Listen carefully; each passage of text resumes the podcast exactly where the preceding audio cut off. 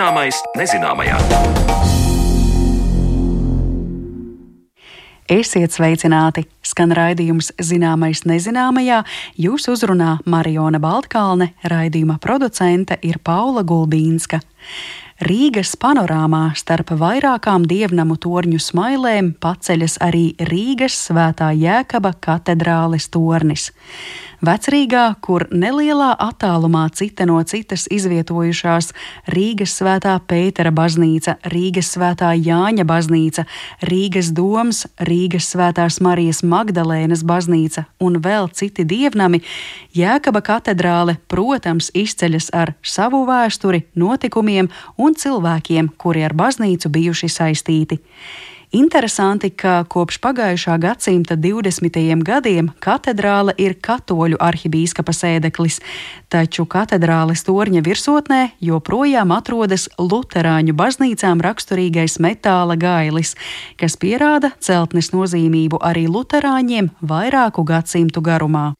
Pirms trim gadiem metāla gailis tika atjaunots un mirdzoši atgriezās tornī, un tad arī plašāk izskanēja ziņa, ka saskaņā ar mērījumiem gailis patiesībā sēž krietni augstāk nekā agrāk zinājām, tātad tas atrodas 91,64 metru augstumā bet gaļa atjaunošana ir gabaliņš no stāsta par plašiem katedrāles restaurācijas darbiem pēdējo gadu garumā, kuru laikā notikuši arī arheoloģiskie izrakumi. Tieši šiem darbiem un datiem, ko izrakumi snieguši pētniekiem, mēs veltīsim raidījuma otro daļu un sarunāsimies ar vēstures doktoru, arheologu Artūru Tomsonu. Jēkaba katedrāle ir UNESCO pasaules mantojuma sarakstā iekļautā Rīgas vēsturiskā centra nozīmīga arhitektūras sastāvdaļa. Bet, ja runājam par UNESCO pasaules mantojuma sarakstu, tad varam būt lepni, ka pavisam nesen šajā sarakstā nonāca arī Kuldīgas vecpilsēta, un par Kuldīgu stāsts mūsu raidījuma pirmajā daļā. Šī gada septembrī, atzīstot un novērtējot Kuldīgas vecpilsētas unikālo vērtību, šī kurzemes pilsēta tika iekļauta UNESCO pasaules mantojuma sarakstā. Viens no šī mantojuma lepnumiem ir kuldīgas namu senās durvis. Tās var aplūkot gan pilsētas ēkās, gan muzejā, gan restaurācijas darbnīcā kā šis mantojums tiek saglabāts un par ko vēsta šīs durvis, klausieties manas kolēģes Zanes Lāces Baltāksnes ierakstā. Kultīciniekiem šis rudens ir bagāts kultūrvēturiskā mantojuma laukā. Septembra sākumā pilsēta iekļauj pasaules mantojuma sarakstā kā vienu no nedaudzajiem atlikušajiem un vislabāk saglabātajiem vēsturiskajiem urbānajiem centriem. Savukārt oktobra beigās vēsturiskajā namā, bijušajā bankas ēkā, ko Kuldīgā uzcēla pagājušā gadsimta 30. gadu sākumā, tika atvērta Kuldīgas muzeja krājuma ekspozīcija - ceļojums muzeja krājumā. Un pieminot šos divus notikumus, turpmākajās minūtēs neliels ieskats šīs pilsētas durvīs. Tās kā kultūrvēturiskais mantojums ir aplūkojams Kultīgas ielās un arī muzejā. Paši kuldīdznieki jau gadiem ilgi apzinās šo vēsturisko mantojumu un ar speciālistu palīdzību rūpējas un saglabā dažādu laikmetu durvis kā pagātnes vērtību namos. Mēs izpētām durvju autentiskumu un māksliniecisko vērtību, to tehnisko stāvokli, un tie ir kritēriji, pēc kā vadāmies, kuras pilsētas durvis ir jārestaurē. Tā telefona sarunā teica Kuldīgas restaurācijas centra nodaļas vadītāja Ilze Zariņa. Taču uzsver, ka prioritāte ir tās durvis, par kurām paši namu iedzīvotāji nāk un stāsta, ka kārtējais vēsturiskais elements ir kritiskā stāvoklī un to vajag atjaunot. Kuldīgas restaurācijas centrā kopš 2007. gada ir atjaunoti 50 durvju komplekti, un tāpēc tagad piedāvāju fragmentu no ierakstu arhīva, kas tapa pirms četriem gadiem, kad viesojos šajā centrā un runājos ar toreizējiem centra darbiniekiem - restaurācijas konsultantu Jāni Mertenu. Durvis ir no Kuldīgas vecpilsētas, datējums ir 19. gadsimta 3. ceturksnis. Tas ir 1870. gadi. Un no kuras ēkas šādas durvis ir? Kuldīgā no Ventspils iela 4. Galvenās fasādes durvis šīs ir. Viņas ir ļoti augstas tās durvis. Es skatos, tādi četri pildiņi ir. Jā. Virs durvīm vēl nāk virsgaismas lodziņš. Ir gan, gan šādas durvis, ir gan arī īsākas durvis. Bet šīs, jā, šīs ir tādas. Cik nu, divi metri tā bildi ir? Divi, divi metri apmēram 80. 2 metri 80. Un tad mēs gatavosim jaunu, jaunu slēdzēju mehānismu, rokturi liksim. Un, un, protams, viss galvenais remonts ir jāveic durvīm. Bojātās detaļas ir jāizgatavo jaunas un jāveic koks un bojātu daļu protezēšana. Savukārt Jāņa kolēģis, kokapstrādes amatnieks Agris Zinbergs, toreiz apstrādāja otru durvju vērtni un skaidroja, kā notiek senās lietas atzimšana, ieliekot tajā jaunu elpu un vienlaikus saglabājot oriģinālo dvēseli. Un šīs bezpilsētas durvis ir ar, arī ar šo, ar šo atšķirības zīmi, kad viņas ir amatnieciski, ja mēs pieņemsim viņas pagriezt otrā pusē, tad otrā pusē atklājās šie pildiņi. Šī durvju iekšpusē ir saucamie spoguļpildiņi, kas ir viena virs otru un tās protēzes ir jāliek nevis no svaigā koka, bet arī no saucamā atgriezeniskā materiāla. Ko tas nozīmē? Tas nozīmē to, ka mums ir jāizvēlās tāds Koku materiāls, kas ir vai nu viņš ir amatnieciski jau senatnīgi vecos laikos pieņemts un nozāģēts, tad viņš ir uzglabāts, viņš ir izstāvējis, un tad mēs tikai pēc tam viņu varam likt šajās protēzēs. Vai viņš ir vismaz kādu noteiktu laiku, viņš ir jau bijis Nevis mēs pieņemsim, tagad paņemam no žāvētavas, no zāļu materiāla, paņemam jaunu un tikko jauns vai koku liekam iekšā. Līdz ar to tas jaunais svaigais koks nebūs sadarīgs ar to veco simtgadīgo dēli vai, vai to veco simtgadīgo šo durvi. Ja? Tad līdz ar to nebūs autentisks arī šīs substances vienam vienai pret otru. Nu, Paudžu nesaprašanās. Jā, jā, nesaprašanās. Un tas pats arī ir tā restaurācija, ir tāda, ka nevis tiek kasīts pilnībā viss nost tas vecais krāsojums, bet tiek nokasīts tikai saucamais nenoturīgais krāsojums, tas, kas birst nost. Tad pēc restaurācijas mēs atkal pieliksim, pieņemsim roku klāt un sajutīsim, ka tā durvis nav nevis pedantiski visa noslīpēta vai pārslīpēta, bet viņai ir tās vecās sajūtas sajūtas, tās tā senatena, un to sauc par restaurāciju. Un tā ir tā pati senatnīga linijas krāsa, uz kuru mēs arī mūsdienās ejam atpakaļ uz to pašu linijas krāsu.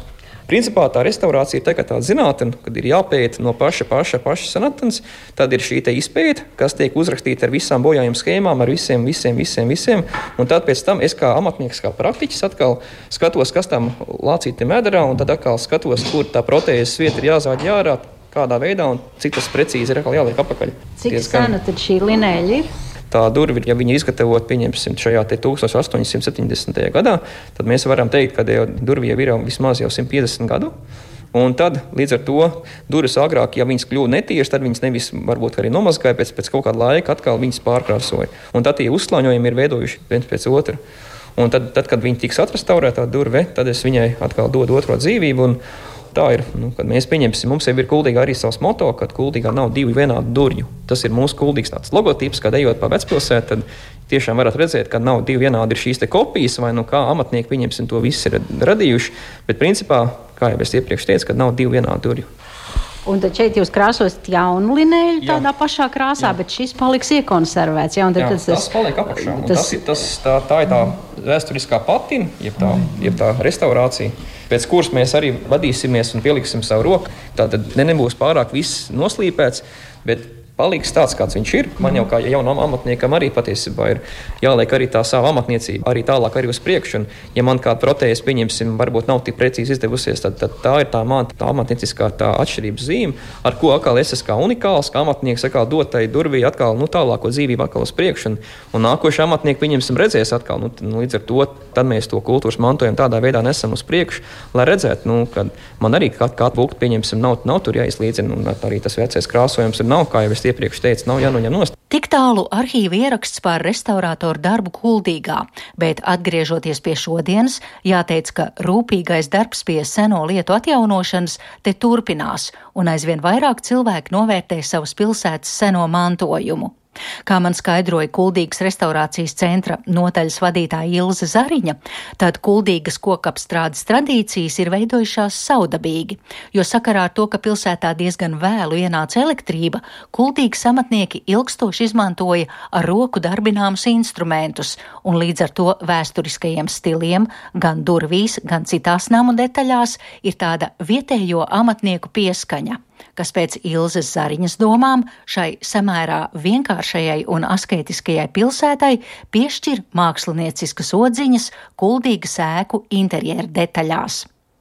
Bet turpinot kuldīgas durvju stāstus, tagad ielūkosimies muzeja atvērtajā krājumā, kur krājuma un pētniecības nodaļas vadītāja Inna Rozentāle rāda tumši brūnas durvis vijīgiem rakstiem un trim dažādiem rokturiem.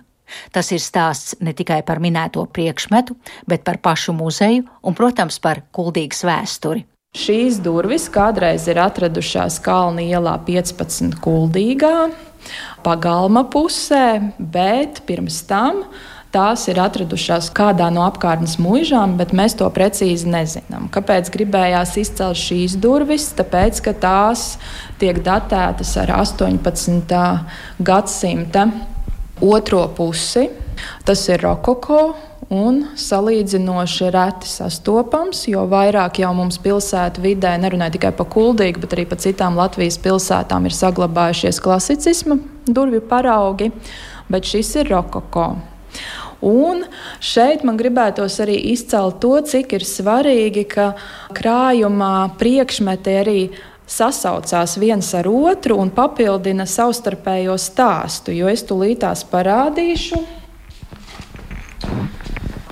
Tas ir Valfrīda Fromholda trēja zīmējums, datēts ar 1931. gadu, kur šīs durvis ir redzamas Kalnielā 15 pagalma pusē un kā tās ir izskatījušās 1931. gadā. Nu, te var redzēt, cik grezni ir tie durvju rokturi tajā zīmējumā, kas šeit jau ir pazuduši laika gaitā.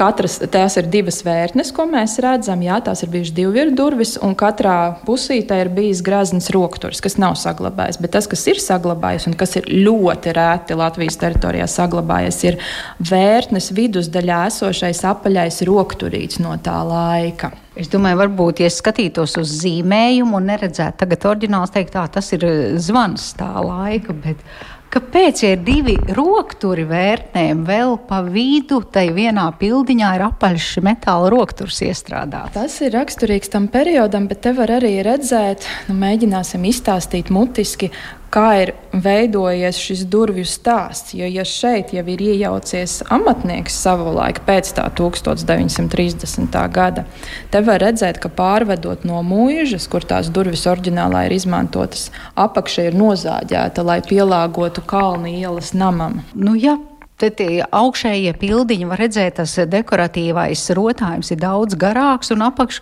zīmējumā ir vienkārši tā. Noņemam nost, jā, tik liels durvis mājai nevajag. Mūžai tas ir bijis jā, vairāk. Nu, jā, un šeit savukārt jau pēc tā zīmējuma tapšanas laika amatnieks ir iejaucies un uztaisījis durvju apakšdaļu, pielāgojoties stilam, tā lai nebūtu redzami nu, šie teikt, brutālie zāģēšanas pēdas šajā priekšmetā.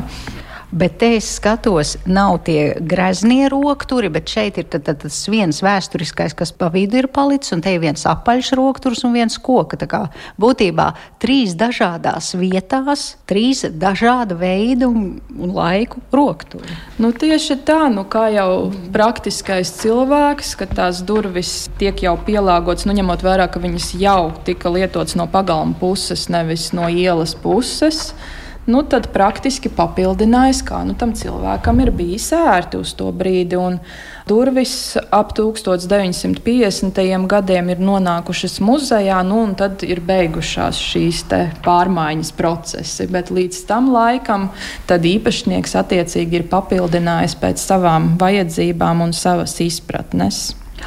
Un te var redzēt, skatoties uz zīmēm, ka tagad no tiem greznajiem, galvenajiem rokturiem abās pusēs vērtnēm, te malās, te ir jā, palikuši nospiedumi tajā kokā. Var redzēt, kāds tas eh, metāls tāds eh, ornamentēts ir bijis. Tieši tā, un tāpēc ir svarīgi, ka pētnieki izmanto daudzas avotu grupas, kas kuldīgā arī tiek darīts.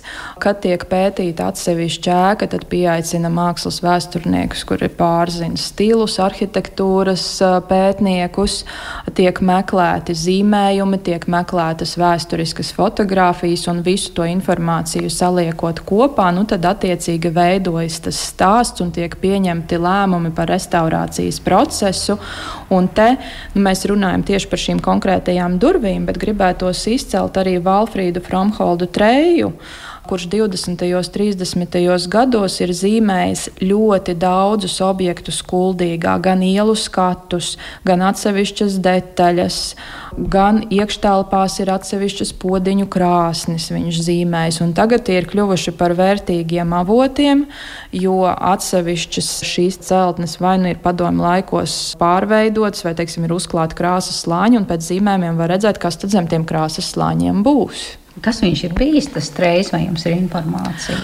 Jā, viņš ir bijis pedagogs, novadpētnieks, un ar ko mēs ļoti lepojamies. Viņš bija viens no tiem cilvēkiem, kurš inicijēja un veicināja Kuldīgas muzeja izveidošanos. Viņš ir strādājis arī muzejā, un līdz ar to mums ir gan viņa zīmējumu kolekcija, gan arī daudzi priekšmeti no dažādiem laika periodiem, ko viņš ir nodevis oficiāla muzeja krājumam.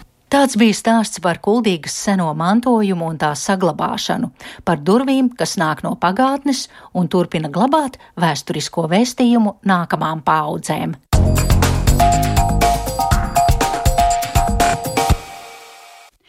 Ar kuldīgas namu senajām durvīm dažādās pilsētas vietās iepazīstināja Zane Lāce Baltāksne, bet raidījuma turpinājumā uzkavēsimies Rīgā un uzzināsim, kas noskaidrojies arheoloģisko izrakumu laikā Rīgas Svētā Jēkaba katedrālē.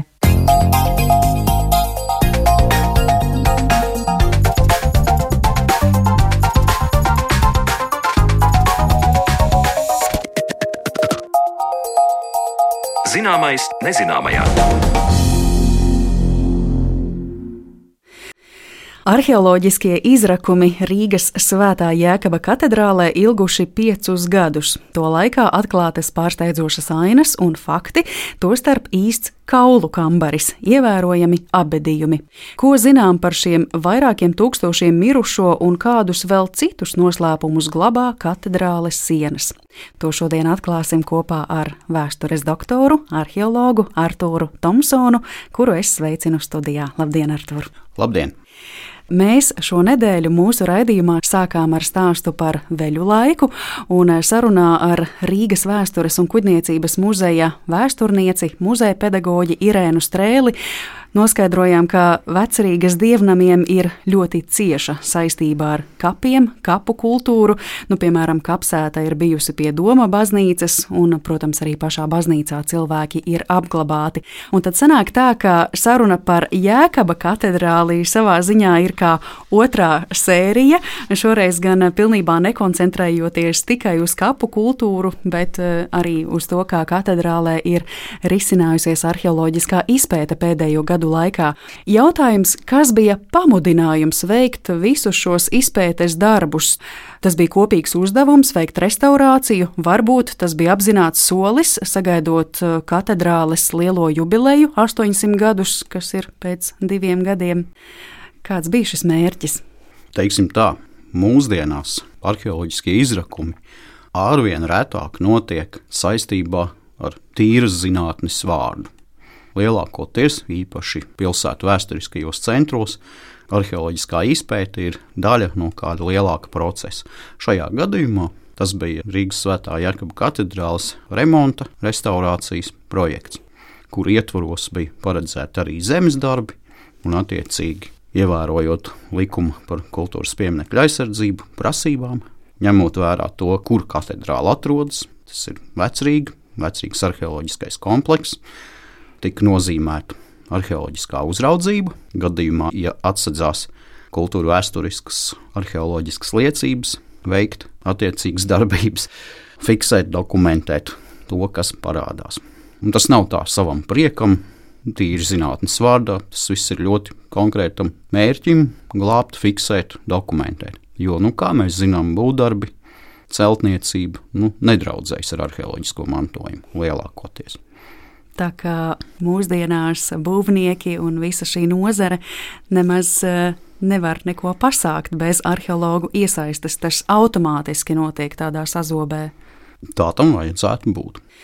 Par Jēkaba katedrāli pārlapojot eh, informāciju par šīs katedrāles vēsturi, atklājas tik daudz saistošu faktu par priekšmetiem, ko katedrāle glabā, par personībām, kas ar to ir bijušas saistītas.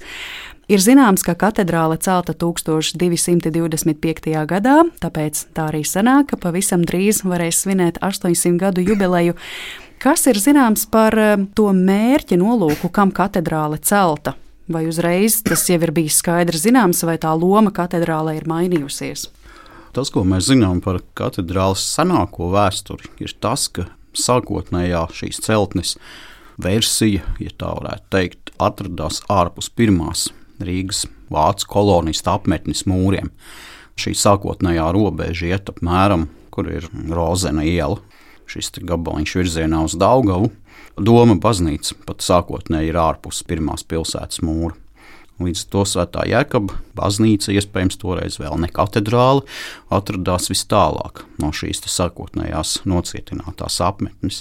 Un tas, ko mēs zinām, kad lielākoties ap šo baznīcu apbedītie ļaudis ir nevācu izcelsmes, ārzemnieki, ceļotāji un tam līdzīgi ļaudis. Un apmēram 14. un 15. gadsimtā vecrīga aug, un šis jaunais mūris jau iekļauj uh, katedrālu pilsētas robežās. Jūs teicāt, nevācu izcelsmes. Tas nozīmē arī lībieši, vai ne? Jā, tas ir termins, ko izmanto vēsturnieki, lai varētu nodefinēt šo sabiedrības daļu. Un arī tas, ko mēs mūsdienās vidus... saucam par latviešiem. Jā. Ar laiku rodas arī latvieši. Tā mm. viss rezultāts. Tas nav viens dienas process. Mm. Jā. Tas ir termins, ko lieto vēsturnieki. Mm. Par katedrāli tā kļūst vēlāk, mūsdienās tātad Romas katoļu baznīcas arhibīskapā katedrāle skaistajā gotikas stilā, bet atsaucoties uz to, ko minējāt, ka agrāk šī katedrāle ir atradusies ārpus pilsētas mūriem, tad es domāju, tā bija arī kāda konkrēta sabiedrības daļa, kas piestāja, piemēram, tieši šajā baznīcā, lai dotos uz dievkalpojumiem, un pēc tam arī attiecīgi tika baznīcas tūmā apglabāti. Varbūt tur bija kādi cilvēki, kuri nevarēja īstenībā tikt pilsētā, un tāpēc viņi uzturējās šajā baznīcā un tās tuvumā. Redziet, lai kaut ko apgalvotu par tik seniem laikiem, pētnieku ierobežo pieejamo avotu apjoms. Nu, tas izklausās jauki, bet to nu, īsti nevar tā pierādīt. Jā, jā. Uh, visticamāk, tā varētu būt bijis, bet, uh, nu, protams, lai droši apgalvotu, ir vajadzīgi vairāk apstiprinājumu rakstītajos vēstures avotos. Ko mēs redzam no arheoloģijas, ir tas, ka 2018. gadā, kad šie darbi sākās, tika veikti rakšanas darbi zem klostera ielas, izrūkot četras tranšais, lai pievienotu katedrāli pilsētas ūdens tīkliem. Tranšēju šķērsgriezumos, profilos kļuva redzams, ka šī celtne sākotnēji ir atradusies nelielā pat smilšu augurā. Nu, mūsdienās šis kultūras slānis ir uzaudzis vairāk metru biezumā, un vecrīgas ielas ir apmēram nu, izlīdzinātas vienā līmenī. Bet, uh, sākotnējais vecrīgas reliefs ir bijis ļoti, ļoti nevienāds. Tā kā iedomājamies seno pilsētnieku, kas skatās no šīs pirmās vācu apmetnes puses šajā virzienā, gan Doma baznīca pēc Andra Caunas izrakuma secinājumiem ir bijusi nelielā smilšu augurā sākotnēji. Un tagad var teikt arī Svētā Jēkaba katedrāle sākotnēji ir celta nelielā smilšu paaugstinājumā. Droši vien daudziem Jēkaba katedrāle saistās ar slaveno pulksteņa zvanu, proti 15. gadsimtā paaugstinot torņā mūra daļu un piebūvējot svētā krusta kapelu, baznīca kļuva par baziliku, un tad tornī parādījās pulksteņa zvans, kas tika iekārts ārpus torņa zem neliela jumtiņa. Un vēl arī zināms, ka Jēkaba baznīcas tornī ir atradies pilsētas trauksmes zvans, kura skaņas aicinājušas rīdziniekus noskatīties soda izpildi Rāclaukumā. Un vēl esot leģenda, ka Tas ir iezvanījies ik reizi, kad garām gājusi vīram neusticīga sieva. Godīgi sakot, tā vismaz manā nozarē nu, nepārtraukti jāsaskarās ar dažādām leģendām un stāstiem. Un es esmu ļoti, ļoti skeptisks uz visām šīm leģendām, kuras pārbaudīt nu, praktiski nav iespējams. Mm. Bet fakts, ka šis pulksteņa zvans ir eh, bijis ārpus torņa, tas zināmā mērā padara šo katedrāli patiešām arī no arhitektūras viedokļa nu, atzītu, pazīstamu, citām tā nav. Neapšaubāmi. Jā. Nu, jā, un kā es arī pirmīt minēju, tad skatot šīs baznīcas vēsturi, tiešām interesanti vēl ir arī tas, kā ir mainījušās šīs konfesijas. Ir, protams, reformācijas laiks, 16. gadsimts, tad baznīcā nonāk luterisma sludinātāji, tad ir karalis no Polijas Stefans Batorijs, baznīcu atdod katoļiem, tad atkal kalendāra nemieri un katoļu priesteru spadzen, un tad jau arī ir zviedru laiki. Visu laiku tas mainās mainās. Un, jā, par personībām runājot, Johans Kristovs Broce un darbojies šajā Kārļa skolā, baznīcas kapelā, un tad ir vēl arī Hernhūtiešu sprediķotājs Nikolaus Ludvigs von Cincendorfs. Tā kā tiešām iespaidīga vēsture šai baznīcai. Bet vairāk pietuvojoties jūsu darbības lauciņam, tātad arheoloģijai, minēju, ka arheoloģijas darbi notikuši pēdējo piecu gadu laikā. Kas tad šo gadu laikā ir atrasts, atklāts Jēkaba katedrāles sienās, zemē, apkārtnē?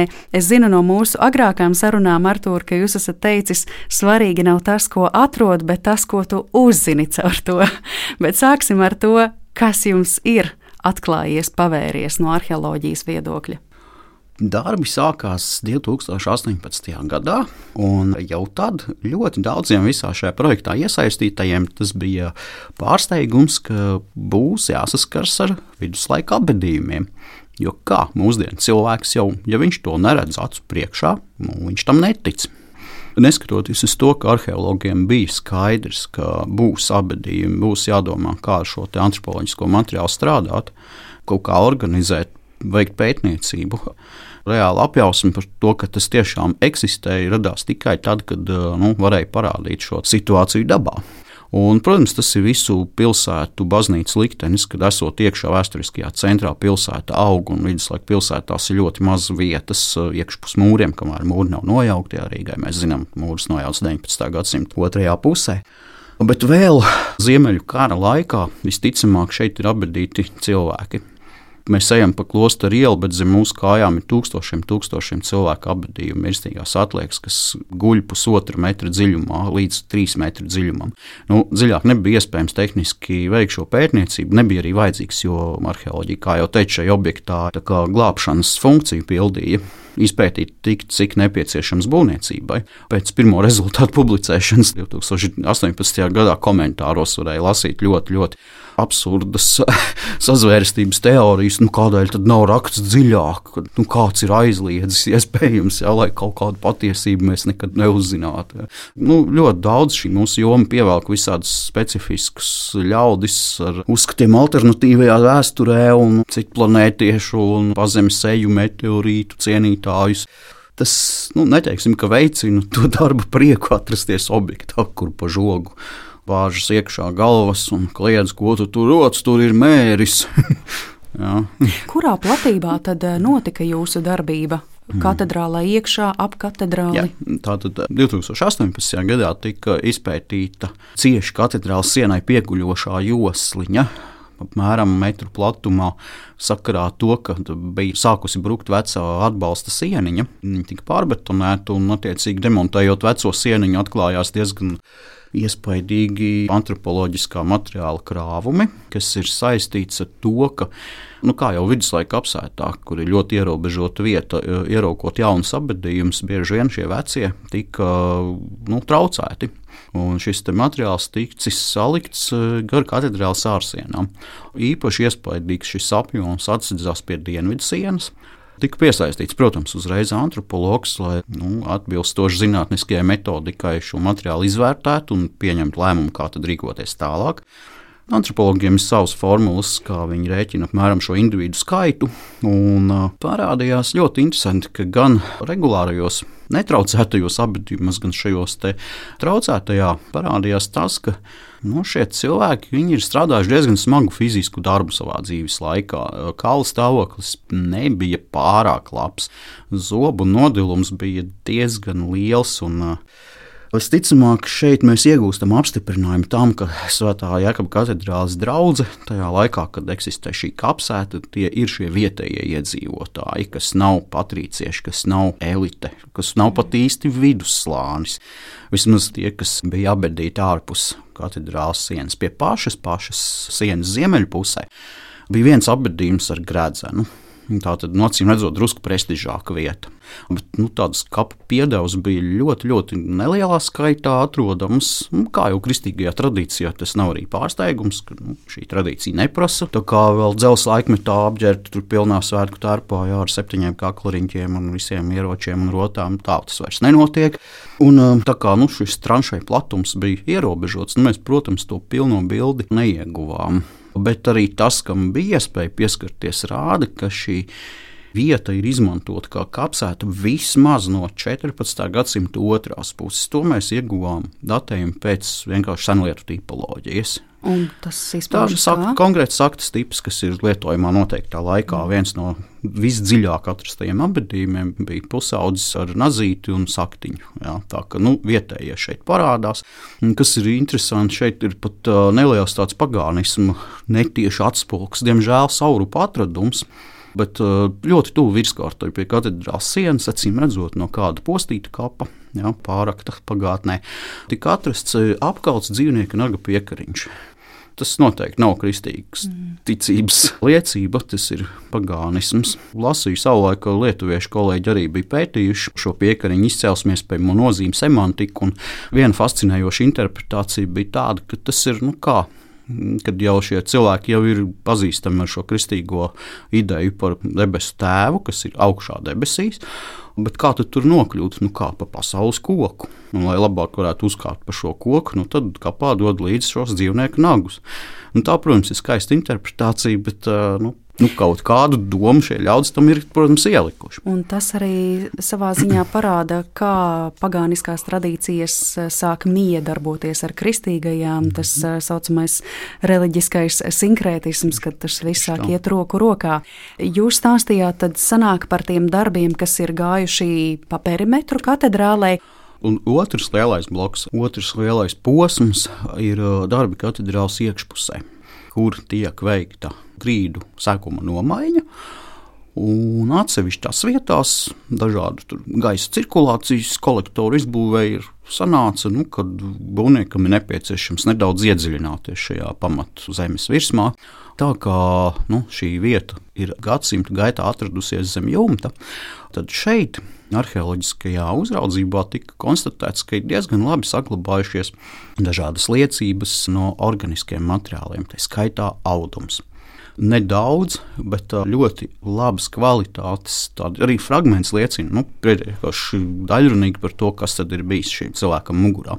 Ļoti daudz arī no traucētiem apbedījumiem, nelieli gabaliņi, bet tur mums parādās pilnīgi jau sociāli cita aina tam, kas ir katedrāls ārpusē.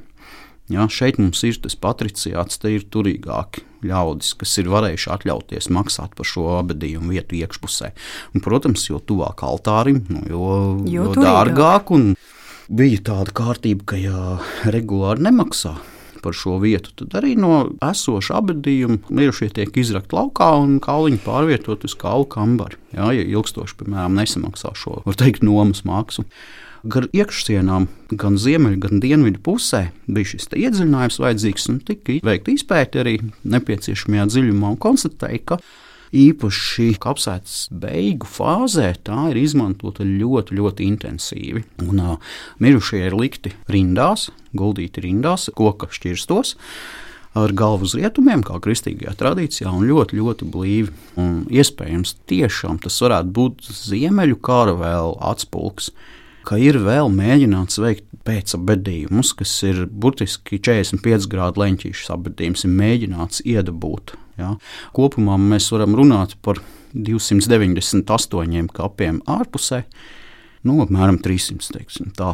jo, nu, ko mēs skaitām par abadījumu? Trīs kauli savā vietā ir vai nav abadījums, ja, kas ir no viena individa, vai tomēr vajag vairāk. Un savukārt iekšpusē arī šobrīd ir zināmi 48 jauni abadījumi, kas bija pilnīgi jauna lieta. Protams, tās ir senās kapu plāksnes. Daļa no šīm Svētā Jēkabas katedrāles senajām kapu plāksnēm jau ir gar sienām, bet uzraudzības gaitā tika atklāts vēl desmit nu, gan vesels, gan fragmentārs, kas bija jau zem nu, apmēram līdz 5 cm smilšu kārtiņas. Un kas bija interesanti, tad izrādās, ka Johans Kristus Broce savā krājumā monumenta jau daļu no viņām ir paspējis uzzīmēt. Tā ka šī ieaugšana zemē notikusi nu, pēdējo 200 gadu laikā. Un jau ir pilnīgi aizmirsies, izdzis no cilvēka atmiņas. Jā, Johans Kristofs Brods ir eh, zīmējis arī vecu arsenālu, kura jumta augšdaļa ir redzama skatā no mājas, kas ir aiz tā. Pa labi ir Baltijas bruņniecības nams, pa kreisi svētā Jēkabā katedrāle vēl ar dakstiņu jumtu, kuru atliekas mēs uzraudzībā atradām uz klostera ielas, var teikt, virskārtā. Jā, tā tad iespējams tas ir Ziemeļu kara postījumi, un, un ka ieskatās, nu, ir tagad ir skārda jumts vairākās vietās, bet uh, to laiku bija dakstiņa jumts. Tā skaitā melni glazēts, kas parāda nu, šo pasūtītāju turīgumu. Arī, protams, tika piesaistīts antropologs abadījumiem katedrāls iekšienē, un tur mēs redzam ilgāku dzīves ilgumu Tātad, kur, Tātad tie, kur tā tas, naudiņa, tur turība un labāka tā. dzīve. Mm. Jā, un e, šis jūsu pieminētais broces gadījums, broces stāsts e, ļoti labi apliecina to, ka arī šādi seni zīmējumi mūsdienās liek uzdot jautājumus un iespējams sniedz arī atbildes citu jomu speciālistiem, arhitektiem, arheologiem un tā tālāk. Artur, jūs pieminējāt to stāstu par cilvēkiem, kuri, ja nemaksāja regulāri par to savu kapa vietu altāra tūmā, nu tad tie kauliņi tika rakti ārā un nonāca kaulu kambarī. Nu tad atklājiet, kas tas kaulu kambaris ir. Tas ir osārijas, jeb osārijas, lai lingvisti man izlabo. Pareizi esot osārijas no latīņu valodas. Mm. Tā var būt speciāli izbūvēta vieta, tā var būt zona, kur šie krāvumi tiek veikti. Protams, katolicisma šīs tradīcijas specifika var patikt, var nepatikt, bet nu, tādi spilgtākie laikam zināmie ir Parīzes katakombas, Romā, dažādu reliģisku ordeņu piedarīgo mūku, mirstīgās paliekas tiek izkārtotas gan šīs telpas sienām, diezgan, nu, var teikt, neierasts priekš Latvijas teritorijas iedzīvotāju pieredzes. Mm. Bet būtībā tā ir vieta, kur šīs mirstīgās atliekas tiek novietotas un uzglabātas. Tad, kad darbi katedrāls iekšienē jau kādu laiku bija notikuši, konsultējoties ar visiem šajā projektā iesaistītajiem, tika pieņemts lēmums izbūvēt speciālu osuāriju vietā, kur vēsturiski tas jau ir bijis. Nevis, teiksim, tur pārabedīt un tā, bet uh, nu, meklēt risinājumu, lai šis antropoloģiskais materiāls būtu pieejams arī pētniekiem nākotnē. Un uh, Ziemeļjoma trešajā travējā ka pastāv 19. gadsimta plāns, tur ir tieši rakstīts kaulu kambaris. Travējs, tas ir kas? Tas ir travēja, ir joms un viņš ir tāds kā iedalījums. Tāds nu, gabaliņš starp pilastriem. Un uh, tika pieņemts lēmums šajā jau vēsturiskajā vietā atjaunot Osvāriju, kur varētu no, normāli novietot visus šos jaunieguvumus. Man bija tas gods šo osvāru iekārtot, un uh, tagad tas ir pabeigts. Un, uh, jā, ik viens interesants var pieiet pie šī stikla jā, un paskatīties, kā tas izskatās. Protams, varbūt nav tik iespaidīgi kā Romā vai Parīzē, bet jā, arī mums tagad ir Latvijā viens šāds jauns piemērs, kā ar šādu, varbūt nu, tādu neikdienišķu materiālu strādāt, nu, lai tas godam paliek nākamajām paudzēm. Nu, skaidrs, tad pēc visiem šiem darbiem ir arī kaut kas, ko interesanti var aplūkot. Jā, jā. tās plāksnes ir izceltas, arī jā. būs pie sienām. Jā, tās, kas ir tie jaunatklājumi. Aha. Viena no visām mākslinieciski vērtīgākajām sanāca centrālā joma pašā pirmajā travējā, tieši pretī altārim. To arī Brods bija zīmējis. Tur ir konkrēti vēsturiska persona apbedīta, kas bija ļoti interesanti. Sasaistīt šo apbedījumu ar konkrēto vārdu uzvārdu. 17. gadsimta kāds no Zviedru elites pārstāvjiem. Ja mēs salīdzinām Svētā Jēkaba katedrāles un, piemēram, Doma baznīcu kapsētas, ir tad sanāk jūtamas lielas atšķirības tam, kādi bija šie cilvēku abadījumi Jēkaba katedrālē, un tagad doma citas varbūt baznīcas vēl Rīgā. Kas attiecās uz tām abadīšanas tradīcijām, nu, Protams, ka nianses ir katrā mm, vietā savas, bet lielos vilcienos nē, jo tie ir viduslaiku abadījumi, visi šie ļaudis ir abadīti, guldīti kristīgajā tradīcijā, ļoti maz piedevu, galvu uz rietumiem, lai pastarā dienā redz no austrumiem, ja, kad nāks pestītājs. Niansītis sākas tad, ja ir runa par vecākiem, senākajiem abadījumiem, kas ir nu, attiecīgi daudz dziļāk, grūtāk varbūt pieejami reizēm. Un, nu, protams, liels fascinējums ir uztrāpīt kādam nu, šim agrajam abadījumam no pirmsvācu laikiem, kas var būt pilnīgi nu, no jau izpostītiem kapu laukiem, kuru robežu aprises tiek precizētas ar katru šādu atradumu. Ja, šie paši senākie abadījumi jaunielā ja, un tam līdzīgi pie Pētera baznīcas. Tas, kāpēc es par to iedomājos, kāpēc to jautāju, Doma katedrāle jau mums tomēr parasti saistās ar bīskapu centru, un tur varētu uzreiz likties, ka tie abadījumi jautājumi, kas Doma katedrālē altāra daļā varētu būt, ka tie noteikti ir daudz, daudz prestižāki nekā, piemēram, Jēkaba katedrālē. To tā nevar pārliecinoši pateikt. Tu, jā, ne? nu, nav mums rakstītu mm. avotu tik konkrēti, jo nu, kā viduslaika cilvēkam, viņam tas individuālais es nu, nav tik svarīgs kā varbūt mūsdienu cilvēkam. Un bieži vien arī sociāli ļoti varbūt, augstu stāvoši individi nevienmēr tās kapa vietas tiek marķētas speciāli. Un tā ir liela veiksme, ja kaut kur ir šī kapa plāksne, kur ir tas vārds, uzvārds un varbūt vēl kaut kāda informācija klāta. Jo lielākoties ir šis nu, tāds savu veidu fatālisms, un nu, tas, ka nu, jā, šeit uz zemes tu esi normāli nodzīvojis, un labi, nu, augšā jau sašķiros. Mm. vai pa labi, vai pa kreisi. Mm. Mazliet jau ieskicējāt atbildīju jautājumam par to, ko tad mēs no tiem visiem atradumiem varam uzzināt. Kā jau pirmīt minēju, esat arī agrāk teicis, ka tas ir daudz svarīgāk nevis vienkārši par priekšmetiem kā tādiem, bet secinājumiem, ko mēs izdarām. Tad, ja mēs vēlreiz kādus galvenos akcentus tā pa plauktiņiem saliekam, ko mēs varam saprast no šiem atradumiem, tātad cilvēki smagi strādājuši, nebija ļoti turīgi, nebija daudz kā pa piedevu un tie, kuriem tās naudiņas vairāk bija, tie nonāca labākos apbedījumos. Tas tāds mans rezumējums, varbūt jūs varat pievienot šim klāt. Mm, ko mēs redzam? Nu, sadarbība ar antropologu šāda veida pieminekļos ir, nu, var teikt, atslēga uz to rezultātu. Un kas ir kopīgs gan iekšpusē, gan ārpusē abadītajiem, neskatoties uz to sociālo atšķirību, ir ļoti augsta mirstība jaunu sieviešu vidū līdz 30 gadu vecumam. Tas ir saistīts ar pirmajām dzemdībām laiku, nu, kad nav ne antibiotikas, ne atsāpinošie līdzekļi. Līdz 19. gadsimta beigām praktiski šeit nav atšķirības. Un kas bija labi, tad nu, parasti viduslaika apsētās dzelzceļa laikmetu apbedījumos agrāk bērnu kauliņi nu, īsti nesaglabājas jo viņi ir trauslāki, mazāki. Bet šeit, tā kā apgādījuma daļa bija zem jumta, tad uh, tas daļēji ļāva iegūt tādu precīzāku statistisku priekšstatu par šo nu, populāciju kas tur ir bijuši. Un parādās tiešām ļoti liels daudzums mazu bērnu kauliņu, kas ļauj no apmēram šo statistiku dabūt laukā no tiem datiem, nu, kas šobrīd ir savākti. Ir. Un ir skaidrs, ka nu, toreiz, neskatoties to, cik tur būtu ārēji bagāts, medicīna, nu, kāda ir, tāda ir. Nu jā, un par lielām vērtībām un senlietām tad mēs šajos abadījumos runāt nevaram. Bija tikai tas gredzentiņa stāsts. Atsevišķi, jā. Mhm. atsevišķi izņēmumi, kad kādu nu, zviedru šiliņš ielikts, jā, tur pārcēlājumi. Jā, lai norēķinātos aizsaulē. Tik tālu par arheoloģiskajiem darbiem, kā ar pašas baznīcas tehnisko stāvokli, kas ir būtisks veikts fasādes uzlabojumos, kur tas bija visvairāk nepieciešams. Tas ir vairāk arhitektu darbs, tām lietām, kas ir zem zemes. Atbild arheologs tam, kas ir virs zemes, vairāk tomēr arhitekti. Kas ir pamanāms, tad ir attaisīts viens aizmūrēts lokus, sanāk dienvidu joma austrumu galā Tas ir skats, uz kurieni sanāk? Uz komisiju māju. Barkāšu piemineklis paiet mm. uz bibliotekas pusi. Un atjaunots šis ietvars, un, un uzreiz ir cita sajūta, kad uh, tomēr šī celtne sāk dzīvot.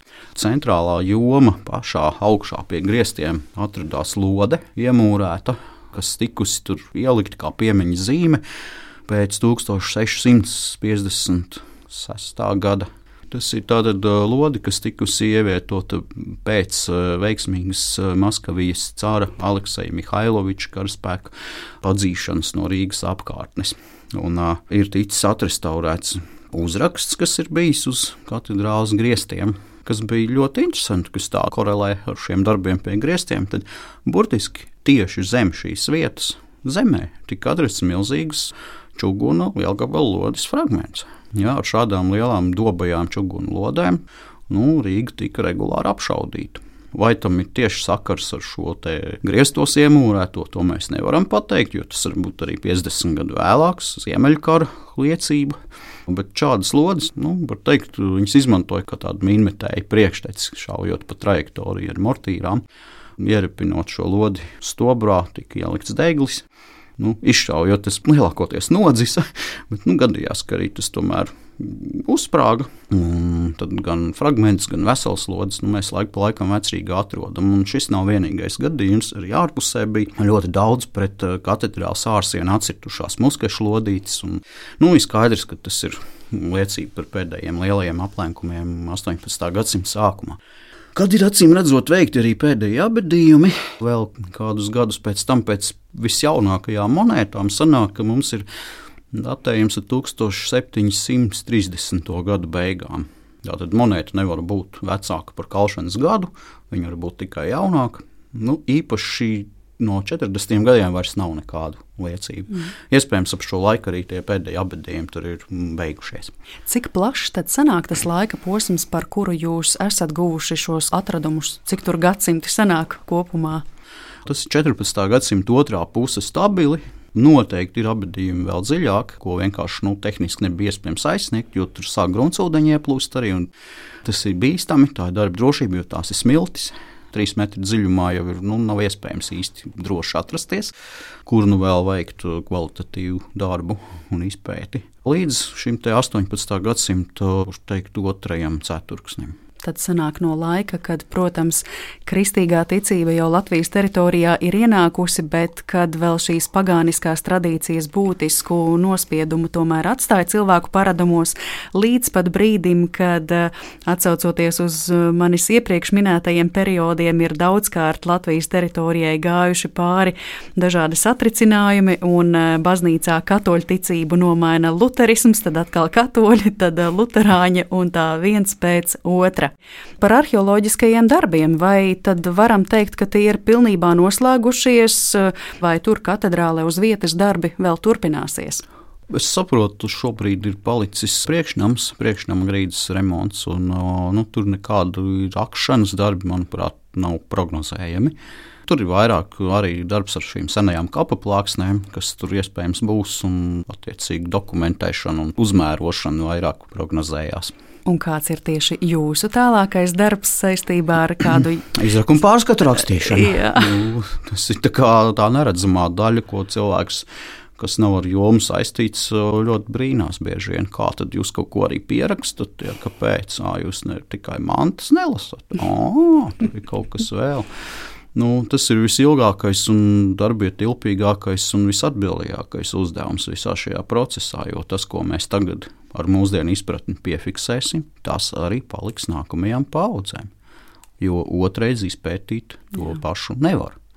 Un tā ir milzīga atbildība gan vēstures, gan senču, gan visas sabiedrības priekšā. Mm. Starp citu, pirms sākās šie darbi 2018. gadā, kad pirms tam tika veikti pēdējie kādi arheoloģijas darbi. 2001.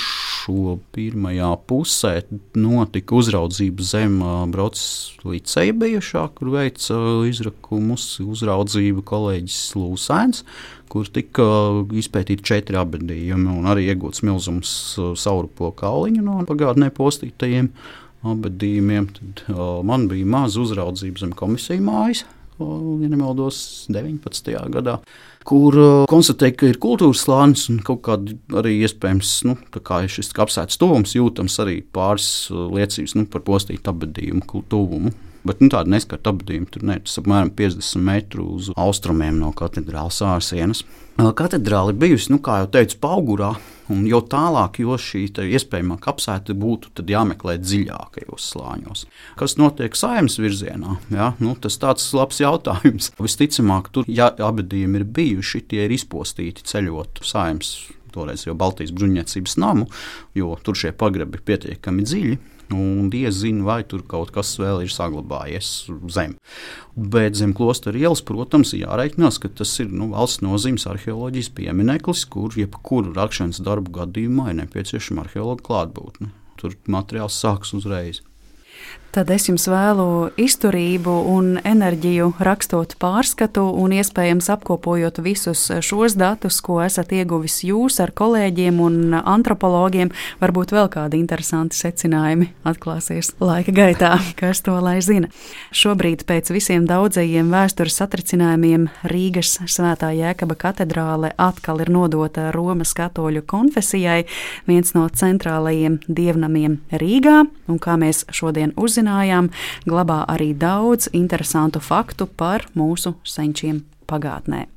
Artūr, liels paldies, ka jūs ar to šodien iepazīstinājāt. Klausītājiem atgādinu, ka ar mums šodien raidījumā kopā bija vēstures doktors, arheologs Artūrs Tomsons. Un ar to mūsu raidījums noslēdzas. Par to gādāja Paula Gulbīnska, Reinis Budze, Girts Bišs un pie mikrofona bija Mariona Baltkalne. Patīkamu jums dienas turpinājumu un uz sadzirdēšanos atkal drīzumā. Visu labu!